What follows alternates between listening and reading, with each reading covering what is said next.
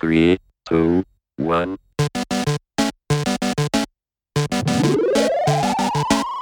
Hajde da igramo igricu. Vodit ću vas kroz niz situacija kroz koje ste verovatno već prošli. Vi treba da odlučite kojim putem ćete ići. Nema pogrešnih odgovora, ali znajte da svaki odgovor nosi svoje dobre i loše strane. Prepreke koje morate sami preći. Svakako ćete u pojedinim situacijama kroz život misliti da ste pogrešili. U životu. Naša igrica nema baš toliko nivoa i da, ostavit ću vam sekundu pre svakog pitanja da date svoj odgovor. Hajde da krenemo. Upravo ste saznali da ste položili poslednji ispit i završili fakultet. Čestitam. Da li ćete pod A otići u nacionalnu službu za zapošljavanje, pod B otići kući, pisati svoju biografiju i slati je svim živim kompanijama, pod C vratiti se kod roditelja dok ne smislite kuda dalje.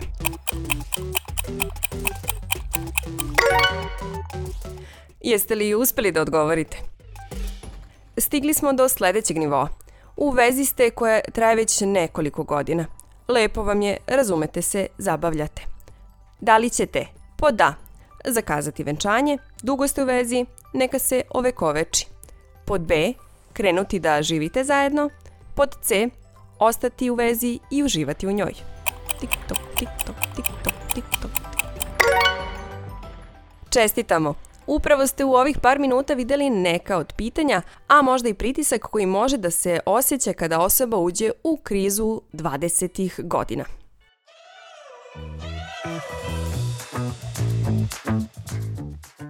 Slušate Umologiju, podcast u kom želimo da napravimo nove drajvere. Putanje shvatanja i razmišljanja, poimanja sebe, svojih misli i emocija, ali i osoba i sveta oko nas.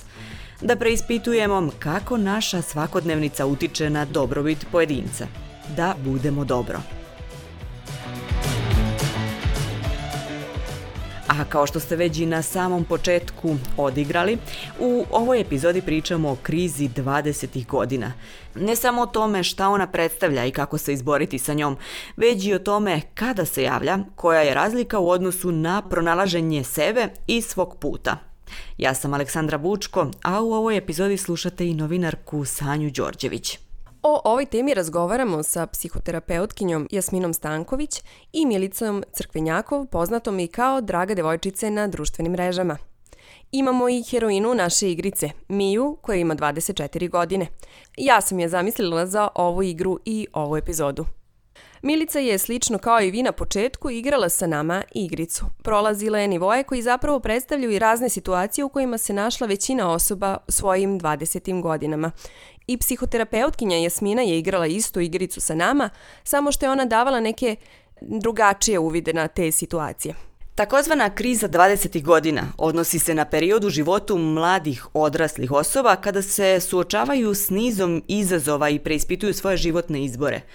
Ovaj period može biti ključan za mnoge aspekte njihovog života, uključujući karijeru, odnose i lični razvoj. To je period u životu kada se suočavamo sa nizom tih izazova i ponekad osjećamo kao da lutamo u nepoznatom teritoriju. U 20. godinama mnogi počinjemo ozbiljnije da razmišljamo o svom identitetu, vrednostima i ciljevima.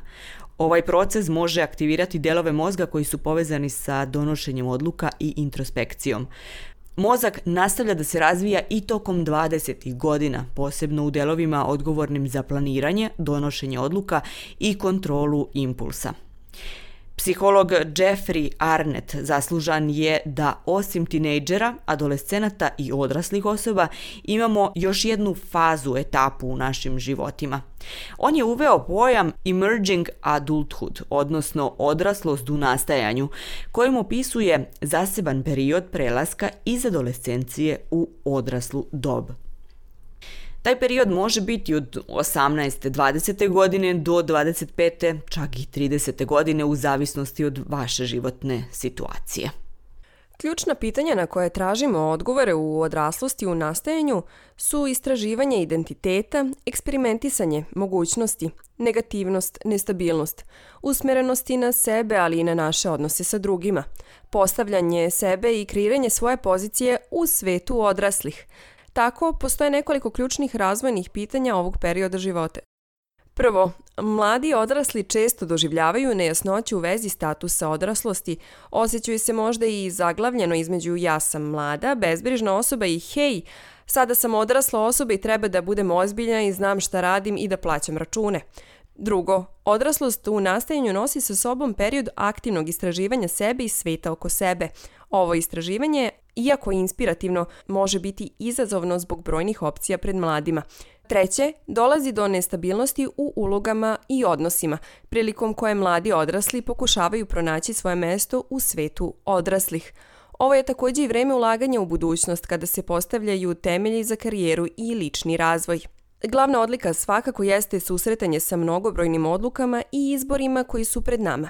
Neki to doživljavaju kao priliku da istraže svoje mogućnosti, dok se kod drugih može pojaviti i osjećaj nesigurnosti, pa čak i anksioznosti, najviše zbog naglog osjećaja nestrukturiranosti. Kriza je nešto što je sastavni deo života i u, iz nekog razvojnog ugla gledano je neophodna. Kriza je neophodna da bi se bilo kakav sledeći stupanj razvoja desio – u smislu da gledano iz razvojne perspektive, posebno recimo iz perspektive razvoja i pojedinca i porodice, postoje određeni broj razvojnih faza koje slede jedna za drugom, smenjuju jedna drugu i svaku od tih razvojnih faza čini i ona podrazumevaju određeni broj razvojnih zadataka. Ovo je psihološkinja Jasmina Stanković i ona često govori o ovoj temi krizi 20. i kaže da joj je važno da redefinišemo značenje reči kriza. U ovom smislu ona reč kriza ne posmatra kao krizu kakvu je mi doživljavamo, kao nešto problematično, već kao razvojnu fazu i izazov u rešavanju razvojnih zadataka. Svaka kriza pa i ova, jel, koja se tipično, da kažem, dešava u ovim godinama 20. podrazumeva nekad možda i percipiran problem ili izazov u rešavanju tih razvojnih zadataka. Nešto što se tipično dešava, recimo ako posmatramo i našu kulturu, ali ako i globalnu neku priču gledamo, nešto što se dešava kad su u pitanju razvojni zadaci u 20. godinama jeste separacija i diferencijacija od primarne porodice. Znači, u tom nekom fizičkom i emocionalnom smislu. To je vrlo često donošenja onih ključnih odluka koje su u pitanju i koje su usko vezane za karijeru ili donošenje odluka za dalje napredovanje u karijeri ili kao što si pomenuo možda menjanje nekih stvari u karijeri. Postoji i određeni razvini zadaci, opet kažem tipični, ne mora da znači da se to nužno tada dešava, ali kad je u pitanju odabir dugoročnog partnerstva, možda i zasnivanje porodice, možda u tom periodu jel neko preuzima ulogu roditelja takođe. Sve su to neke stvari koje su deo socijalizacije i deo su samim tim jedne grupe očekivanja koje ima društvo, koje ima kultura od pojedinca, koje ima porodica od pojedinca, sve su to očekivanja koje su samim tim, rekla bih, prilično intenzivna i toliko intenzivna da postanu internalizovana. Postoju prosto jedan unutrašnji glas tog čoveka od 23, 4, 5, 29, jel? koji je samim tim manje ili više glasan ili manje ili više kritičan. Sad u tom smislu koliko je kritičan i koliko zapravo mi sebi dajemo te taj jako uzak ili možda jako rigidan ili možda manje rigidan prostor da dobro ili loše uradimo neke od tih zadataka – dolazimo do manjeg ili većeg osjećaja krize.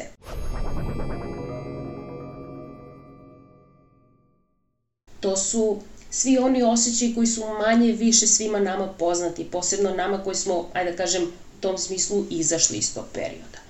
To su možda simptomi koji se tiču anksioznosti, možda nekih depresivnih epizoda tog, pa čak i osjećaja beznađa, osjećaja da uh, nešto moramo, da prosto život ili vreme neumitno teku, a da mi, mi, mi želimo nekako da se uhvatimo tog vremena, možda osjećaj da kaskamo za nečim, možda jednostavno stalno preispitivanje šta ću sa životom, da li nešto treba da menjam, kako to treba da izgleda. Jednostavno tu postoji to stalno preispitivanje i vrlo često taj osjećaj preplavljenosti ili preplavljenosti ili potpune zaglavljenosti zbog toga. Kao jedan friz koji kaže, ok, šta sad da radim? Imam milion opcija i postoji to, jel, da kažem, iracionalno uverenje da postoji samo određeni broj pravih opcija, pod znacima navoda i onih tačnih odgovora.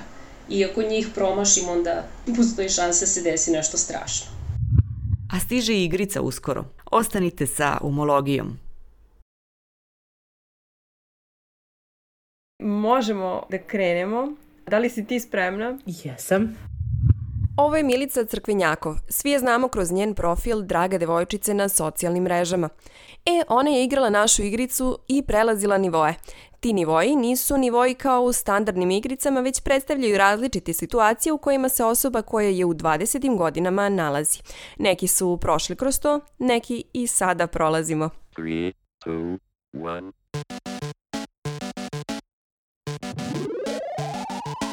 Ok, igramo igricu, ja ću pročitati situaciju koju, a hajde da kažem da su nekako realne, već su se desile.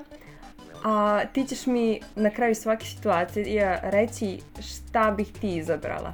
Imamo protagonistkinju, to je Mija. Ona je upravo pročitala mail u kome je pisalo da je položila ispit i da dođe sutra da upiše poslednju desetku. Mija je upravo završila fakultet. Umesto sreće, euforije, rasterećenja, ona je postala uznemirena i nekako je krenula da radi po prvi put u životu, čini mi se, anksioznost. Jer je upravo ušla u svet odraslih. Više nije ono šalalala student, najveći problem je ispit, nego sada razmišlja o tome šta da radi sa životom i kako da preživi, u kom pravcu da se kreće. Tvoj izbor je da li ćeš u takvoj situaciji naći posao van struke kako bi preživela ili ipak gurati ka tome da nađeš posao u struci, da li ćeš možda pokrenuti sobstveni posao ili se vratiti u svoj rodni grad ili šta god, šta bi ti uradila u toj situaciji? Pa mislim da bi svakako pokušala da nađem posao u struci ili makar neku praksu, čak i neko volontiranje, zavisi, jel da, šta je sad u pitanju, ne u smislu kao eksploatisanje u nekoj korporaciji, ali kao sa strane dok tražim taj posao, od nečeg se mora živeti, tako da bi nešto radila sa strane da, da preživim dok ne uspem da nađem nešto što mi kao započne karijeru. Psihoterapeutkinja Jasmina Stanković je takođe igrala ovu istu igricu, samo ona nije birala putanje, već nam je davala neke drugačije uvide u celu tu situaciju. Od psiholoških i emocionalnih aspekata ove situacije do zdravih mehanizama kako se nositi sa njom. Kao terapeut bi sigurno još neke stvari pitala Miju, jel? I bilo bi mi važno da čujem pozadinu cele te priče tako ispričan slučaj jeste nešto što prolazi manje više svaki student koji završi fakultet, posebno, ajde da kažemo, nekih poslednjih deseta godina pa i malo više. U tom smislu da mi e, dok igramo neku ulogu, u ovom slučaju do ovog trenutka to je bila uloga studenta, sa tačno mi poznatim tekstom, da tako kažem, u kome se ona savršeno snalazila. Pretpostavljam da je tako. U nekom slučaju ona imala verovatno izazove u tokom tog perioda, a i ne mora da znači. Uspešno je završila fakultet i ona sad prosto dolazi do jednog perioda koji je i oslobađajući i prilično strašan. Strašan i oslobađajući zato što ona, da, ulazi u svet odraslih, ona sad ima možda i privida, možda i u potpunosti jasan osjećaj veće slobode, u tom smislu da ona ima veliki broj opcija. Za jednu ili za više može da se odluči. S druge strane, Isto to može da bude i izvor straha. Postoji to uverenje da je samo određeni broj opcija od onih koje nam se pružaju u ovom kapitalističkom društvu prava opcija. Iako ja ne pogodim tu opciju, nešto će se strašno desiti. Međutim, imam utisak jak i tokom svog rada nekako da je jedna od osnovnih veština, ako se može tako nazvati, a kojoj nas niko živi ne uči, ne uče nas u porodici, ili vrlo onako sporadično, sigurno ne učimo u školi, a to je jedna veština i to je aspekt odnosa sa sobom, a to je poverenje u sebe. Svi negde imamo i možda ideju šta to znači, ali redko ko ima taj puni osjećaj da je to zasigurno doživeo. Svako od nas ima određeni nivo sumnje u sebe. To poverenje u sebe znači da, ok, pred sobom imam neko raskršće, možda neki test, gde se u manjoj ili većoj meri čak i potvrđuje ili postoji šansa da se ne potvrdi moja lična vrednost, šta god da se desi, ja ću biti okej. Ja sebe prosto neću napustiti. To tako rečeno možda zvuči čudno jer svako će reći pa što bi sebe napustio, naravno ja stojim iza sebe. Međutim, većina nas iza sebe ima tu masu učenja koje kaže samo ako sam nekakva, e onda ću biti, možda ću zaslužiti ljubav, poštovanje, toplinu, nežnost i uvek postoji taj uslov. To je ono što mi internalizujemo, odnosno pounutrimo u nekom trenutku u životu, da bismo na izgled lakše navigirali dalje. Šta bi ja rekla mi na osnovu ovako postavljenih stvari? Da zakorači. Svako od nas, ako ništa drugo i pored tog paradoksa brojnih opcija, mi svi mislimo ako imamo ogroman broj opcija, bit će mi lakše da se odlučim, odnosno um, mirnije ću se odlučiti na neki način. Međutim, to očigledno nije tako. Zakoračiti i videti šta će se desiti. Tu i stoji možda i ono otežavajući i disfunkcionalno uverenje da ja ne mogu da se predomislim. Jer šta će značiti ako se predomislim? I mislim da svima nama fali to učenje da ok, ajde da grešimo i da to kontinuirano na neki način psihološki preživimo. I svaki put kad preživimo, to je još jedno iskustvo na koje nadgrađujemo neki dalji život i posebno menjamo ugao gledanja uopšte na čitavu stvar. Prelazimo na sledeću situaciju. Mija, naša protagonistkinja, je već par godina u vezi. Deluje kao da je ozbiljno, ali osjeća da je rano za neku institucionalizaciju odnosa iz iskustva svojih roditelja nema baš neki pozitivan odnos prema braku, ne doživljava ga kao nešto korisno i ne zna da li da nastavi i kao bude u ozbiljnoj vezi ili možda je previše mlada za, za vezivanje. A, šta ti misliš o tome? Kako bi ti postupila? Ja mislim da je brak jedna čisto legalna, ono, pravna, zakonska stvar. Znači, u smislu, ako ne postoji neki razlog da ona sad zakonski bi joj to olakšalo da bude udata za nekoga, onda svakako ne treba da to uradi. Mislim, veze, koliko god duge su ili kratke su potpuno validne, bez obzira na to da li je neko u braku ili ne. To ne, ne definiše da li je neka veza ozbiljna niti da će trajati, niti bilo šta tako. Tako da mislim da svakako ako nema neku potrebu zakonsku, papiri, viza, porezi i ostali razlozi zašto bi trebalo zakonski da se, da se venčavamo, onda svakako kažem Mija, nemoj. Nema tačnih odgovora, nema pogrešnih odgovora.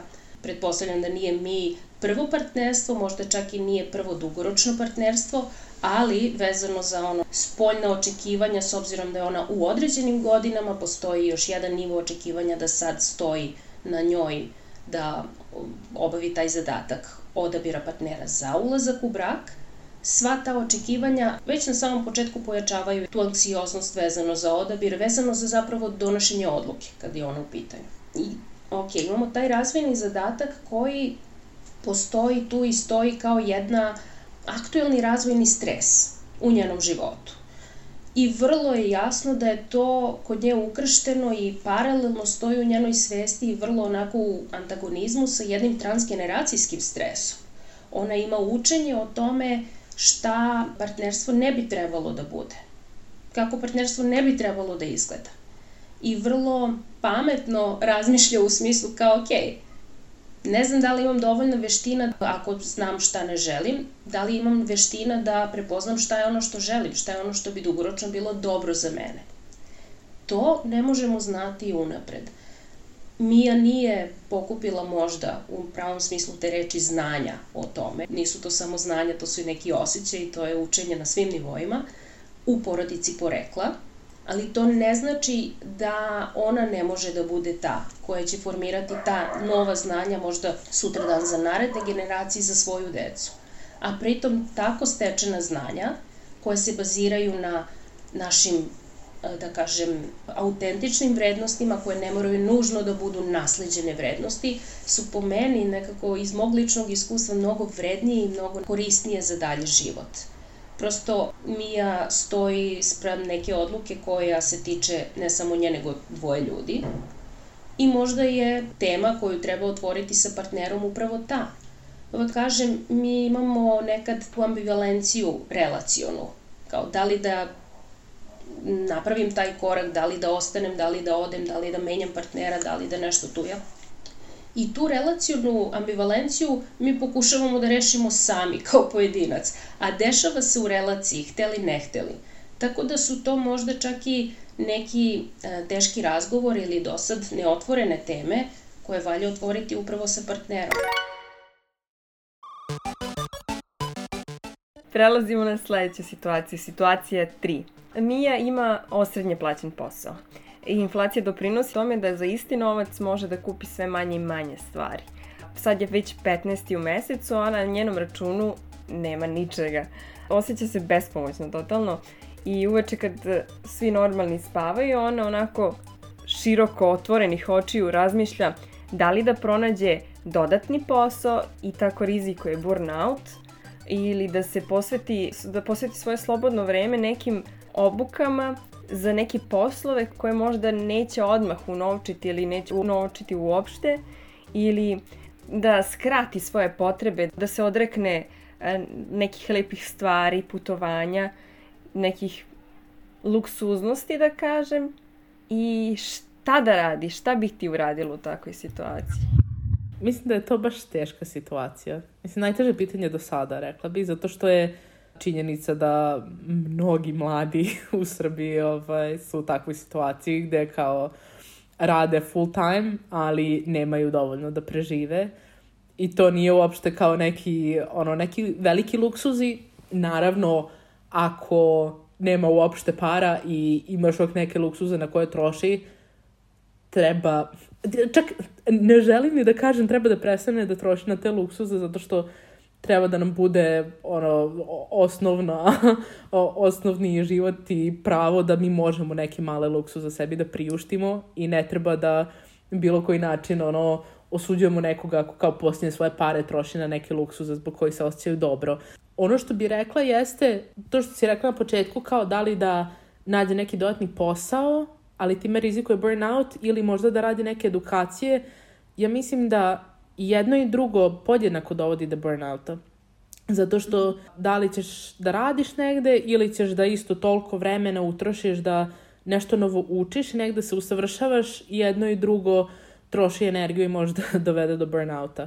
Ali mislim da ono što najviše utiče na mentalno stanje, bar bi meni uticalo u takvoj situaciji, je uticalo kad sam bila u takvoj situaciji, je bio taj osjećaj neko kao alo nemam para da preživim šta ću da radim, tako da u tom slučaju svakako kao nađi dodatni posao. Ne mislim da je to rešenje, mislim u smislu rešenje mora da bude sistematsko državno, veće plate, veći minimalci, ali kao da je u toj situaciji ono 15. u mesecu frka, preživi, nađi dodatni posao veoma aktuelna situacija. Dok o tome pričaš i dok e, čitaš taj primer, osjećam i samo u telu neku dozu anksioznosti i nemira, što je prosto pokazatelj da je to svima nama vrlo aktuelna tema, u manjoj ili većoj meri. Ima tu taj, taj slučaj zapravo opet jedne paralize pred opcijama ta paraliza pred opcijama opet govori o vrlo skučenosti zapravo toga kakvi ćemo mi biti, kakvim ćemo se pokazati ako se odlučimo za jednu ili drugu. Kao da prosto zvuči kao da ne postoji nazad. Kao da prosto to je to. Sad ću se odlučiti i to će uticati na dalji tok mog života, što u jednu ruku jeste tačno, apsolutno jeste tačno u tom smislu da su 20 nisu više ono formativne, nego su transformativne godine u ovom periodu, odnosno u tom periodu odlučujemo nekim stvarima koje će ostaviti traga za, na ostatak našeg života. Ali se pitam koliko je ta vrsta pritiska uopšte korisna.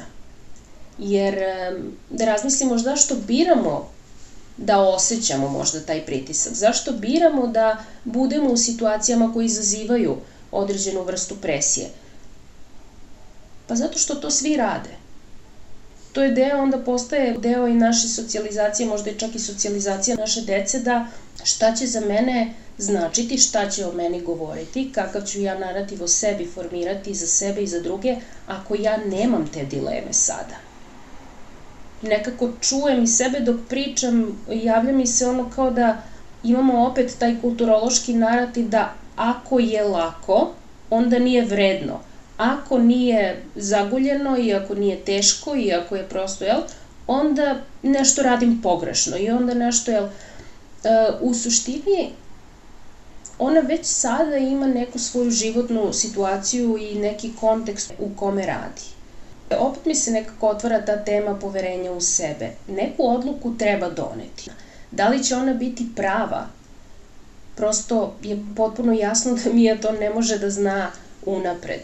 A dilema u kojoj je samo doprinosi jačem osjećaju nesigurnosti, samo doprinosi jačem osjećaju beznađa, pritiska u tom nekom psihološkom smislu, u nekom trenutku može biti pritisak i u tom nekom fizičkom, zdravstvenom. I onda zaista dolazimo do produbljivanja burnouta.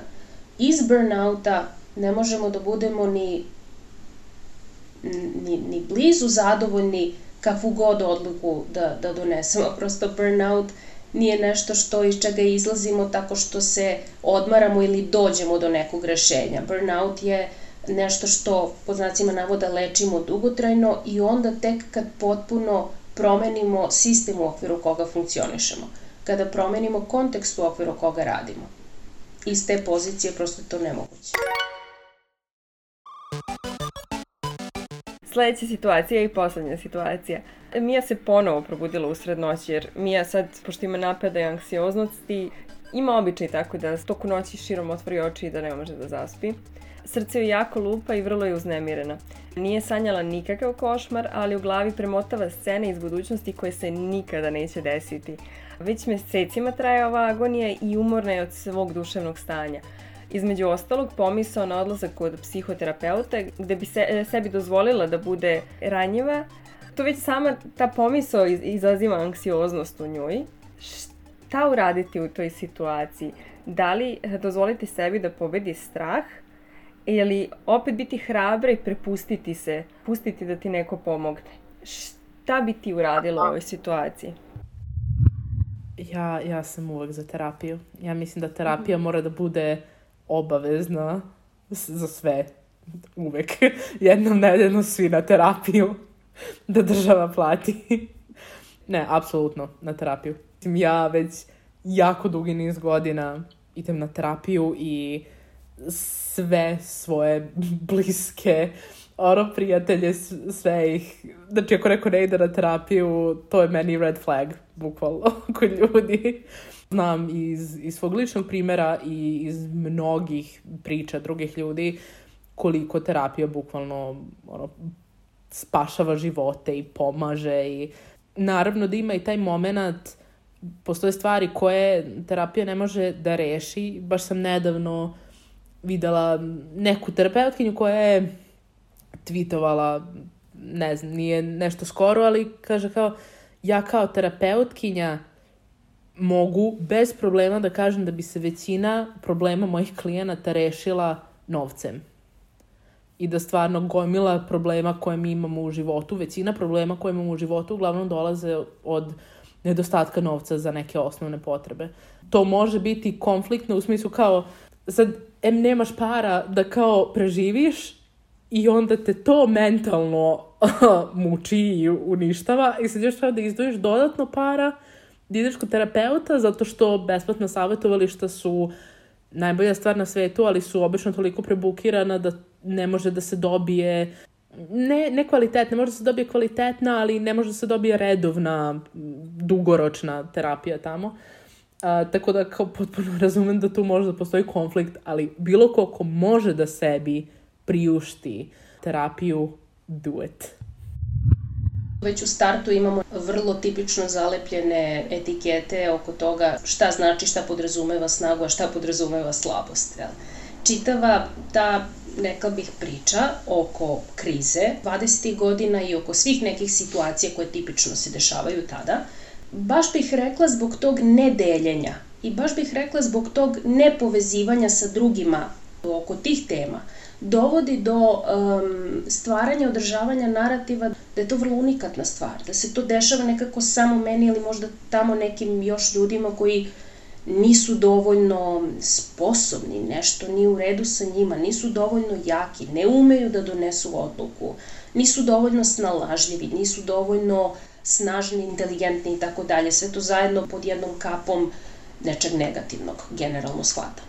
Uvek kažem ljudima da ništa nije toliko unikatno, ništa nije toliko tvoje i neponovljivo, a da se pre toga i nakon toga nije desilo, neće se desiti još milionima i milionima ljudi. Prosto, taj moment, mi sad naravno živimo u kontekstu naše kulture koja postaje vrlo individualistička, normalno to je neka priča koja nam se nameće i koja kaže jel, kao povezati se i deliti neku svoju vulnerabilnost i ranjivost, govori o tebi da ti nešto nisi dovoljno jak, nisi dovoljno nekako. Povezivanje oko toga Nije to samo problem e, ispričati prijatelju koji možda nosi istu tu neku dilemu sam ili se poveriti nekome drugom ili, ili profesionalcu. Stvar je u tome šta se dešava kad mi to radimo. Da to prija nekad, može čak i da bude možda i neprijatno, ali ono što se dešava je da mi skidamo sa sebe jednu, onu što sam zaista pomenula i ponovljajuću stalno, tu dozu stida.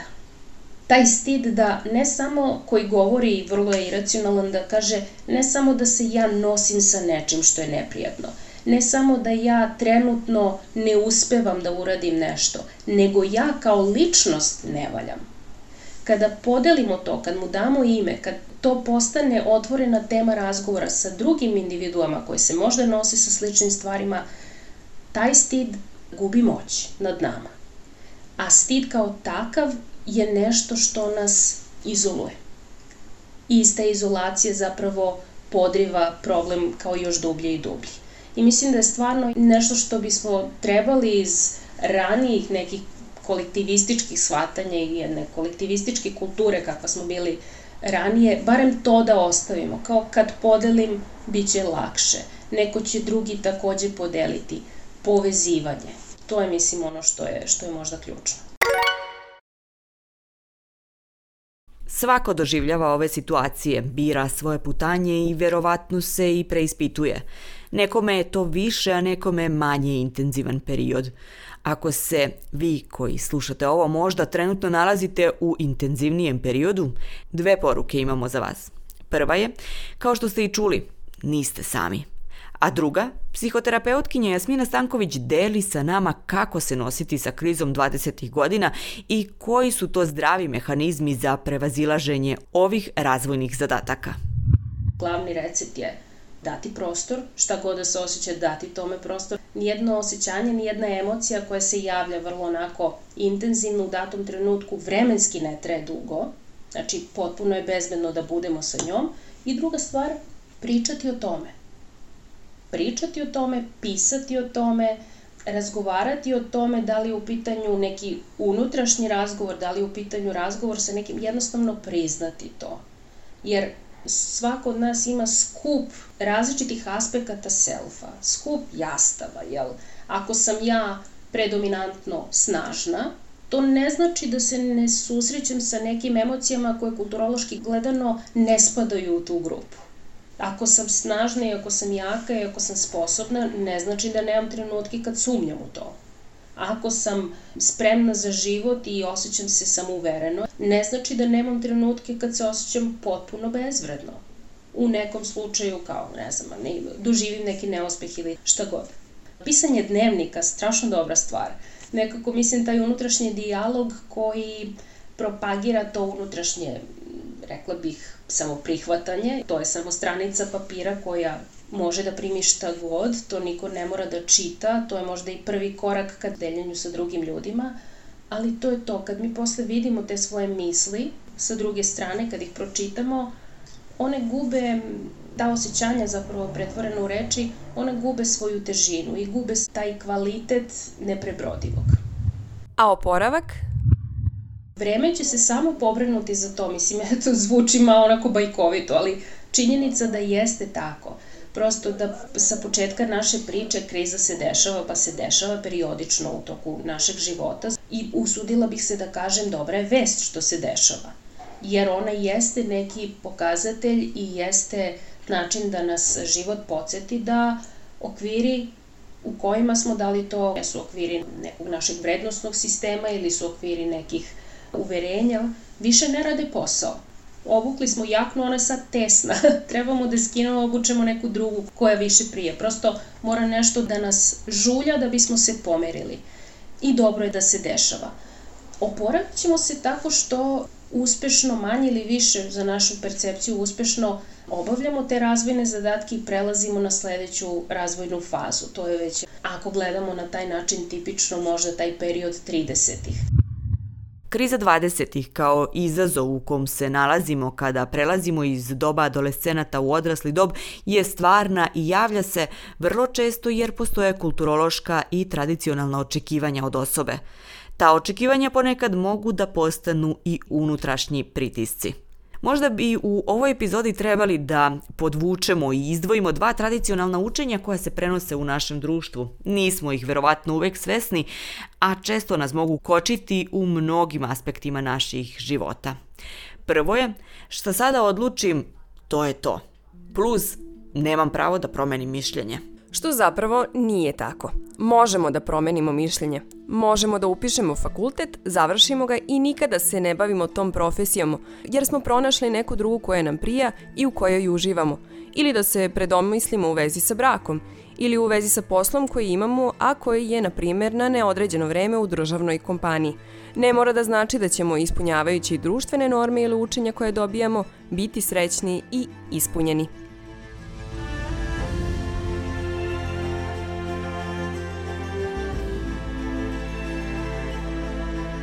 A možete raditi na tome da budete srećni tako što slušate podcaste koji istražuju teme vezane za poboljšanje života i dobrobit, kao što je podcast Umologija, i da ga preporučite nekome ko bi i mogao da ima koristi.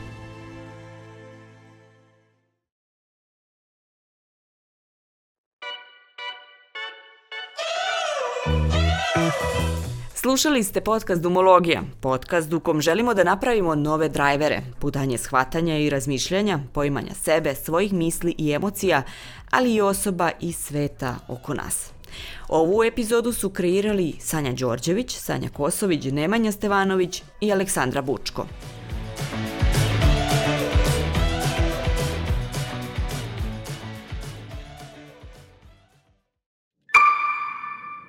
Produkcija Fabrika kreativnosti